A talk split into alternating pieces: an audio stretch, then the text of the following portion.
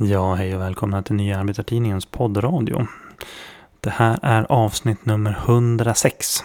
Dagens podd, där fortsätter vi den här serien av inspelade anföranden som vi har haft. Och idag så är det en genomgång, men det är ju en debatt nu om Sverige ska pressas in i NATO med en väldigt hög hastighet. Eh, utan att det ens har diskuterats under en valrörelse eller i samband med en folkomröstning. Och eh, det är ett inspelat anförande som sagt idag, det kanske jag sa. Där eh, Janne Hägglund ger sig på lite grann de bristande argumenten som används av de som är för ett svenskt medlemskap i NATO. Och ja, det är ett intressant anförande. Jag ska inte prata så mycket mer utan håll till godo. Tack så mycket. Kamrater, vi eh, befinner oss i en väldigt allvarlig situation för de demokratiska fri och rättigheterna. Hör ni mig när jag pratar? Eller pratar jag för lågt? Vi hör dig bra. Vi, har stängt, vi stänger av ljudet från oss själva för att vi spelar in dig. Okej. Okay. Som ni vet så har ju Finland tagit ställning för NATO idag. Och eh, det var ju inte en överraskning för den som har följt med i den debatten. Eh, och det är ju den bakgrund mot vilket, eller en av de delar av bakgrunden som vi har det här mötet mot. Eh, men vi måste börja med att ställa oss grundfrågan. Blir Sverige på något sätt säkrare av att vara med i NATO? Den USA-ledda militäralliansen. Och det finns absolut ingenting som pekar på att Sverige skulle bli säkrare av att vara med i NATO. För att tala med Sven Hirdman som vi hade på möte i lördags. Det är tvärtom. Sverige blir som medlem i NATO en frontstat mot Ryssland. Om det är Ryssland som någon är rädd för. Att vara en frontstat mot Ryssland, det innebär om något en ökad risk för konflikt med Ryssland. Så de som tror på en konflikt med Ryssland. Det finns alltså ingen logik i att Sverige blir en frontstat. En av NATOs frontstater mot eh, Ryssland. För det är det man blir.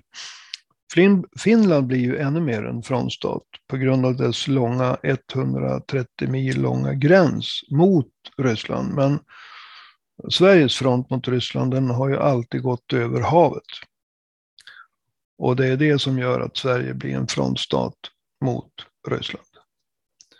Och alla som minns ubåtsjakterna under 80-talet och den enorma hets som fanns i Sverige riktad mot dåvarande Sovjetunionen förstår vad jag menar. Samtidigt så vill jag säga att det finns idag Alltså idag när Sverige inte är med i NATO så finns det ingen som helst risk för konflikt med Ryssland för svensk del. Ryssland har aldrig, liksom Sovjetunionen före, gjort några anspråk på Sveriges territorium. Inte ens på det där förbannade Gotland. Som det har varit så mycket tugg om. Som medlem i NATO så kommer det att ställas krav på Sverige. Det kommer att ställas krav på att Sverige ska ställa upp på andra NATO-länder, främst USAs krigsäventyr. Och jag vill påminna om att år 2001 så sände Sverige trupper till Afghanistan på USAs begäran. Och det gjorde Sverige utan att ens vara med i NATO. Och Sverige stannade i Afghanistan i 20 år. Precis, man for dit 2001, precis som USA gjorde. Några månader efter, alltså bara två, tre månader efter var Sverige på plats. Och man lämnade Afghanistan ett par, tre månader innan USA lämnade Afghanistan. Som medlem i NATO så kommer naturligtvis trycket på Sverige att ställa upp med trupper utomlands att öka.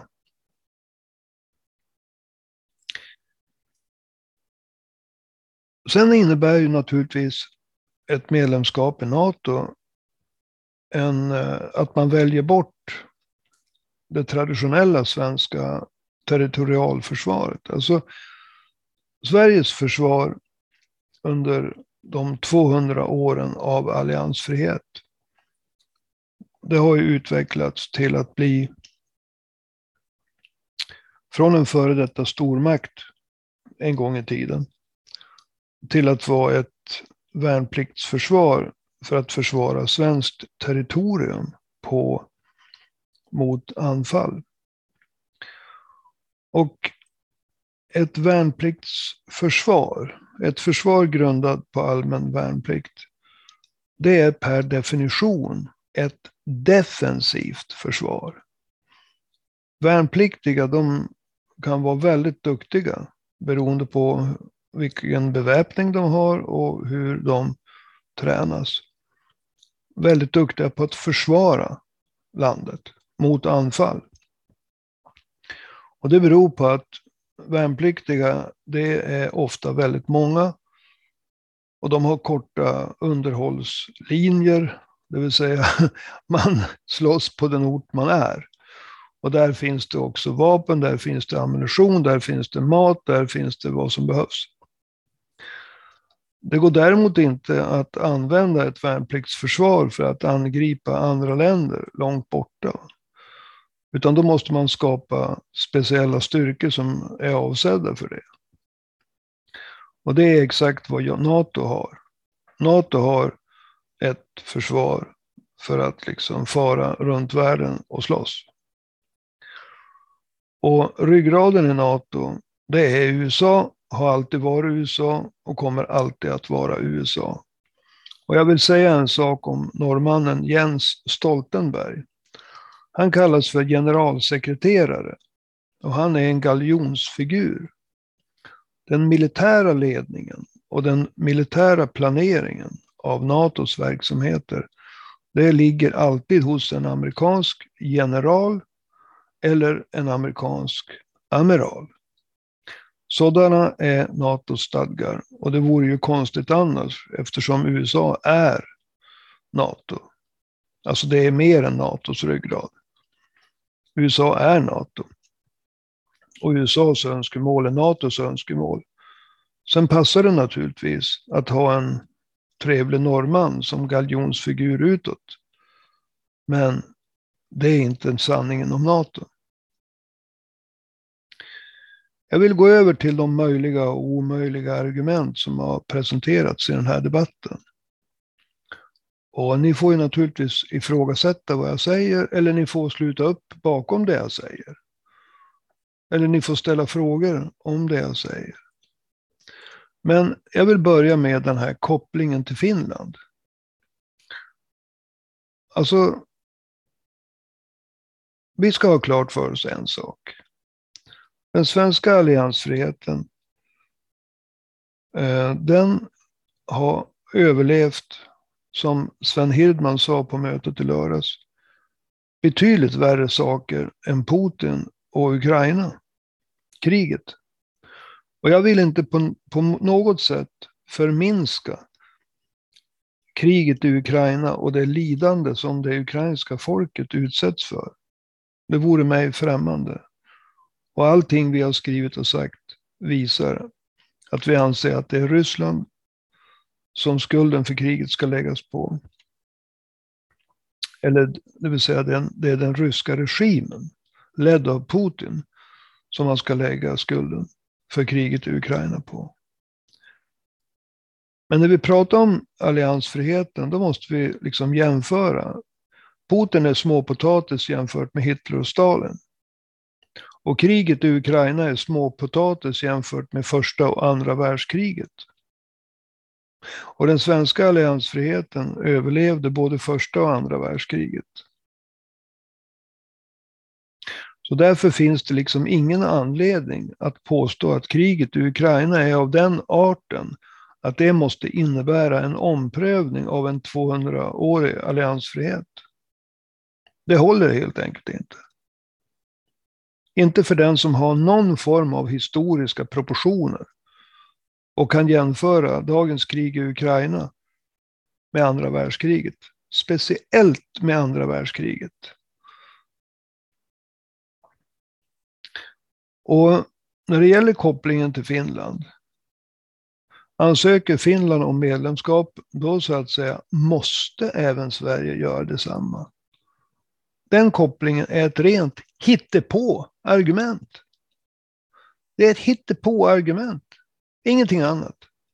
För att göra det lättare, bland annat för Socialdemokraterna, att köra över Eh, det egna partiet, de egna väljare och därmed också hela folkopinionen i Sverige. Jag vill säga några saker om Finland. Därför att den här debatten, och jag säger den här debatten, den är ett hot mot demokratin i Sverige. Den är extremt hetsk. Det, det kommer att skapa en väldigt dålig eftersmak. Där toleransen för avvikande uppfattningar kommer att minska. Men den är också historierevisionistisk. Alltså, när det gäller Finland så, eh, ni vet, när man är på en rättegång och lägger fingrarna på lagboken så ska man inte ljuga. Och det innebär att man ska inte lägga till något, man ska inte dra ifrån något och man ska inte förvanska något. Och när det gäller Finlands historia i förhållande till Sovjetunionen så pratar man bara om det finska vinterkriget. Och det finska vinterkriget eh, nämns varenda gång. Men det nämns inte fortsättningskriget. Därför ska jag göra det. Den 22 juni 1941 så överföll Nazityskland i den hittills i världshistorien största, största militära angreppet alltså någonsin i världshistorien, Sovjetunionen. I någonting som kallades för Operation Barbarossa. Det var Nazitysklands korståg mot bolsjevismen, som man sa. Och då gällde inga normala lagar i krig, utan det var ett korståg. Den europeiska civilisationen skulle krossa den bolsjevistiska asiatiska barbariet. Och därför så kunde inte bara eh, SS utan vanliga tyska trupper uppträda hur som helst.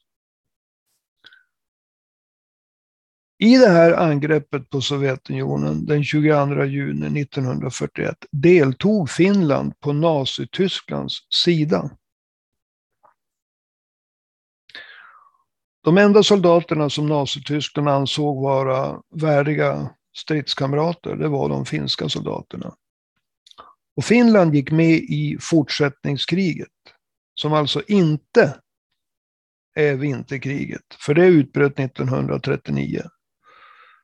Under stridsropet Finland till Ural. Och för den som har studerat en karta vet ni att Uralbergen ligger långt borta långt bakanför Moskva. Alltså långt mer mot Kina än Moskva gör. Finlands historia under andra världskriget består inte bara av finska vinterkriget. Finlands historia under andra världskriget är extremt smutsig.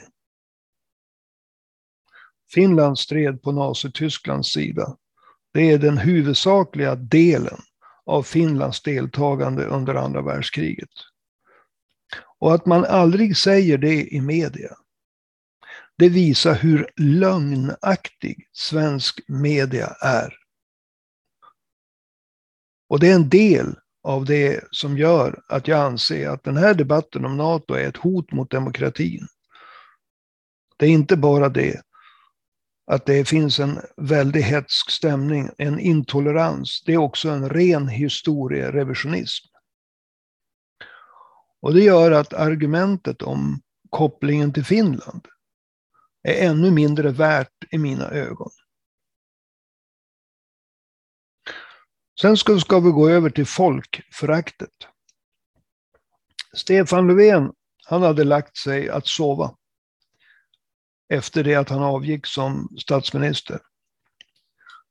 Men i samband med NATO-diskussionen så vaknade han tyvärr upp och han hävde ur sig att frågan om en NATO-anslutning var för svår för befolkningen i Sverige att avgöra i en folkomröstning. Och när man tänker djupare på det så är det ett närmast chockerande uttalande i allt sitt primitiva förakt för befolkningen. Alltså, låt oss vända på argumentet. Under de 200 år som Sverige var alliansfritt, speciellt under åren efter andra världskrigets slut, då både Norge och Danmark gick med i NATO, men inte Sverige. Då ansågs svenskarna vara fullt tillräckligt insiktsfulla för att förstå varför Sverige inte gick med i NATO trots att Norge och Danmark gjorde det. Svenskarna ansågs också vara fullt tillräckliga att förstå varför Sverige, nej, varför Finland hade ett speciellt förhållande till Sovjetunionen. Och det berodde ju naturligtvis på att Finlands förhållande till Sovjetunionen, det berodde på Finlands minst sagt smutsiga historia eftersom de hade slagits tillsammans med Nazityskland. Och jag kan också inom parentes berätta vilken symbol som det finska flygvapnet hade. Det var ett hakkors. Eh, men eh, under den tiden så ansågs den svenska befolkningen vara fullt kapabla att förstå varför Sverige inte var med i NATO. Den svenska befolkningen ansågs vara fullt kapabel att ta ställning till en mycket komplicerad sak som för eller mot kärnkraften. Vilket ju inte bara handlar om kärnkraftens alla tekniska detaljer utan även om energibehovet och vad energin skulle användas till. Allt var med i diskussionen. Den svenska befolkningen ansågs vara fullt tillräknelig att förstå och rösta för eller emot ett medlemskap i EU. Och den svenska befolkningen ansåg vara fullt tillräknelig för att ta ställning till för eller emot att skaffa en euro. Eller ha kvar den svenska kronan. Eh, men inte det här med att gå med i NATO. Socialdemokraternas väljare och medlemmar ansågs vara tillräckligt insiktsfulla för att kunna acceptera att Sverige skulle stå utanför NATO så sent som i november i fjol. Men nu så har det plötsligt blivit för svårt att ta ställning för befolkningen i en folkomröstning att Sverige ska gå med i NATO. Även Magdalena Andersson och utrikesminister Ann Linde har varit ute i media och uttalat sig mot en folkomröstning. Inte lika grovt som Stefan Löfven. Men de har dragit åt samma håll i skuggan av honom. Och frågan måste ställas. Om vi accepterar argumentet att frågan om ett svenskt NATO-medlemskap är för svårt för befolkningen i Sverige att ta ställning till. Med samma logik, vilka andra frågor kommer de styrande då att använda? Och säga det här är för svårt för befolkningen att ta ställning till. och köra över folkopinionen.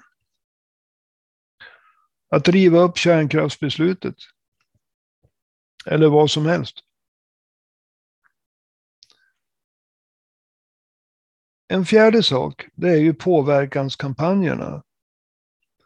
Därför att ett annat argument mot en folkomröstning, det är att Ryssland påstås kunna lägga sig i den svenska debatten inför en folkomröstning. Men det är ju bara en ren spekulation. Och med ett sådant argument så skulle de styrande lika gärna kunna ställa in de allmänna valen den 11 september. Eh, de skulle ju också kunna påverkas av ryska påverkansoperationer. Alltså det finns alltid en möjlighet att folk skulle kunna rösta fel. Men eh, vi har ett cyberförsvar och det finns inga, ingenting som tyder på att Ryssland skulle kunna påverka en svensk folkomröstning. Det är ju bara barnsligheter.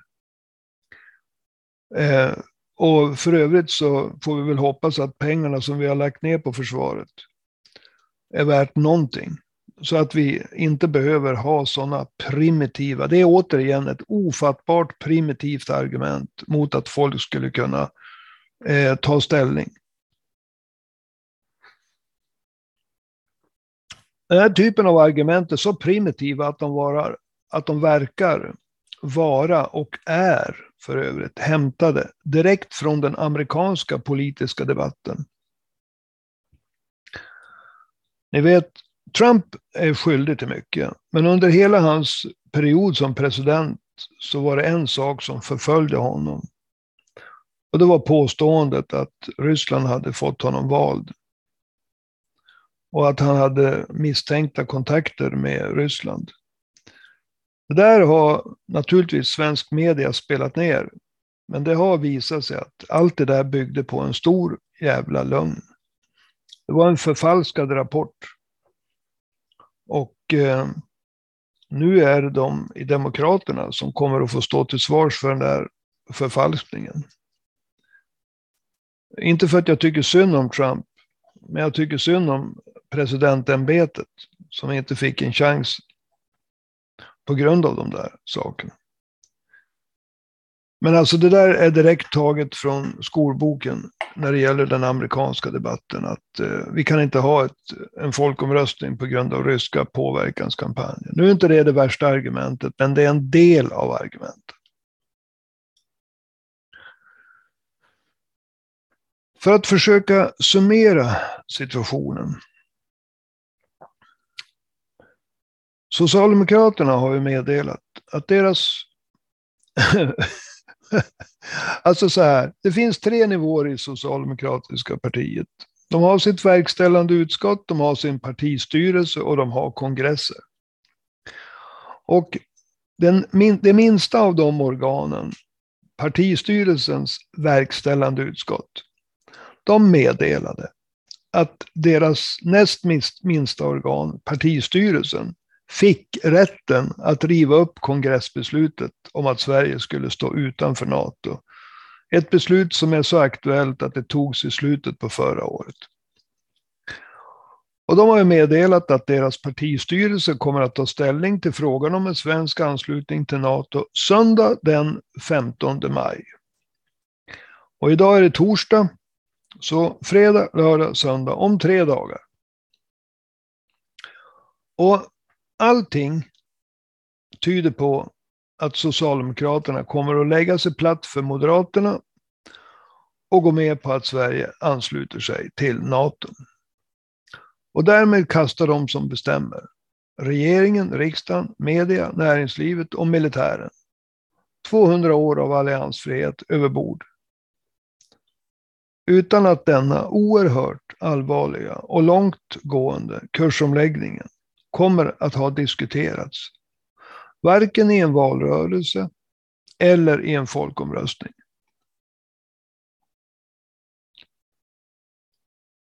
Det som sker om en svensk ansökan om en NATO-medlemskap lämnas in före valet, det är ingenting annat än en kupp. Ni vet, man brukar skilja på lagens anda och lagens bokstav. Och den här kuppen eh, sker visserligen inom ramen för det parlamentariska systemet. Men det är ett förfarande som strider mot folkstyrets anda, om än inte mot dess bokstav. Det beslutet kommer inte att vara legitimt. Alltså, det kommer inte att vara förankrat.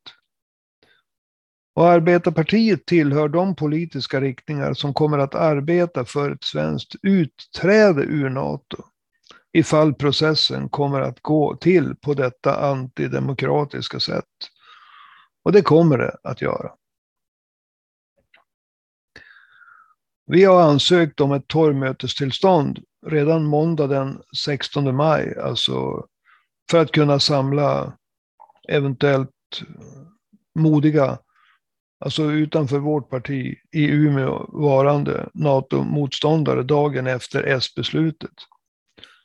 Jag hoppas att anhängare till arbetarpartiet som finns på andra orter gör någonting eh, i samklang med oss i Umeå måndag den 16 maj.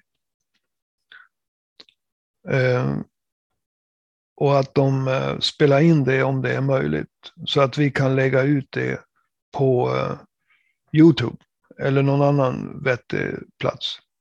För att visa på det motstånd som ändå finns. Eh, jag ska börja avrunda, men jag kan inte nog betona Alltså, en sak. Jag tror Socialdemokraternas motiv för den här omsvängningen. Och jag vill betona hur försvarsministern, den här dalmasen, den här, en av de primitiva svenska politikerna, hur rolig han var på den socialdemokratiska partikongressen när han sa det är med NATO som med att vara gravid. Antingen är man gravid eller också är man inte gravid. Och det var så förbannat dumt. Därför att ett land som Sverige som har gått med i värdlandsavtalet och därmed tillåter NATO att använda svenska hamnar, svenska vägar, svenska järnvägar, svenska flygplatser, alltså hela den svenska infrastrukturen. Plus att man tillåter lagring av vapen. Eh, och annat material på svensk mark. Då är man, och så, så lägger man ovanpå det alla dessa samövningar med NATO. Jag menar, det är ju självklart att Sverige är nästan NATO-medlem då. Och det är inte alls att man antingen är gravid eller inte gravid. Det kan man för övrigt, om man ska gå in på den frågan, men det ska jag inte göra, så finns det grader i helvetet även där, om ni ursäktar den kanske lite dumma uttrycket. Men det sista jag vill säga det är att för att Socialdemokraterna ska få bort den här frågan ur valrörelsen så så gör de det här. Alltså de trampar på demokratin på ett oerhört hänsynslöst sätt. Vad de inte förstår, det är att den svenska officerskåren har alltid haft i, i, i huvudsak alltså en lojalitet mot det svenska samhället. Alltså mot eh, dagis. De har sina barn här. Va? Och de influeras av den diskussion som finns. Där det finns för lite pengar. Eller skolan, de influeras av den diskussionen. Eller de influeras av debatten om äldreomsorgen. De, de är helt enkelt vuxna ur det svenska samhället.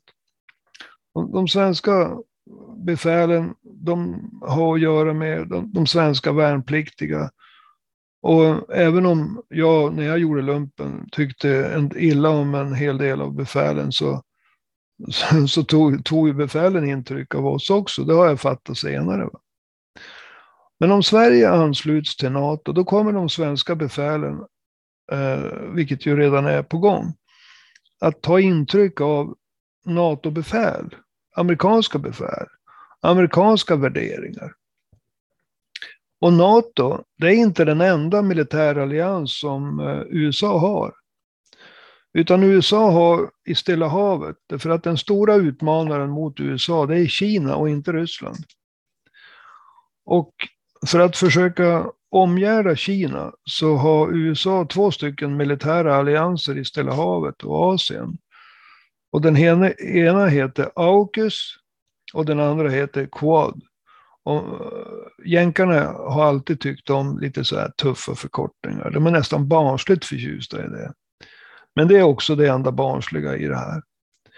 I alla fall, de här två militära allianserna i eh, Asien och Stilla havet, de består förutom USA av Japan, Indien, Australien och eh, United Kingdom. En gång kallad Storbritannien. Och de här Eh, perspektiven som USA har när det gäller att försöka vara den dominerande makten i världen det, det, finns inga liksom, vattentäta skott mellan USAs militära allianser i eh, Stilla havet och Asien å ena sidan och NATO å andra sidan. Utan USAs perspektiv, det tränger igenom överallt. Och det perspektivet kommer att tränga in i den svenska officerskåren. Och via den svenska officerskåren så kommer det att tränga in i det svenska hemvärnet, det kommer att tränga in via befälen, officerarna, i, i politiska partier. Det kommer att tränga in i vars helst de här personerna jobbar, i, i media, överallt. Det kommer alltså ett, ett helt nytt inslag i den, i den svenska politiska debatten. Och det är en amerikansk världsbild.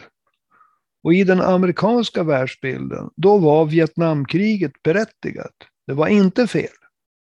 I den amerikanska parti, eh, världsbilden, då var invasionen av Afghanistan 2001 berättigat. Det var inte fel. I den amerikanska världsbilden så var invasionen av Irak 2003 berättigad. Den var inte fel.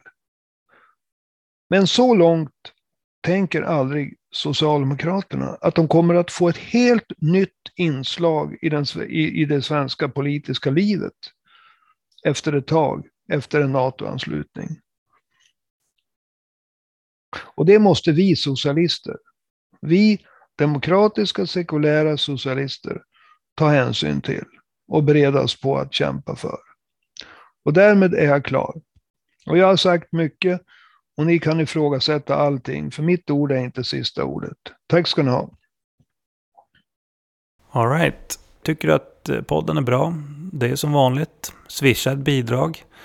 Numret är 123 504 7105. Och eh, alla bidrag behövs.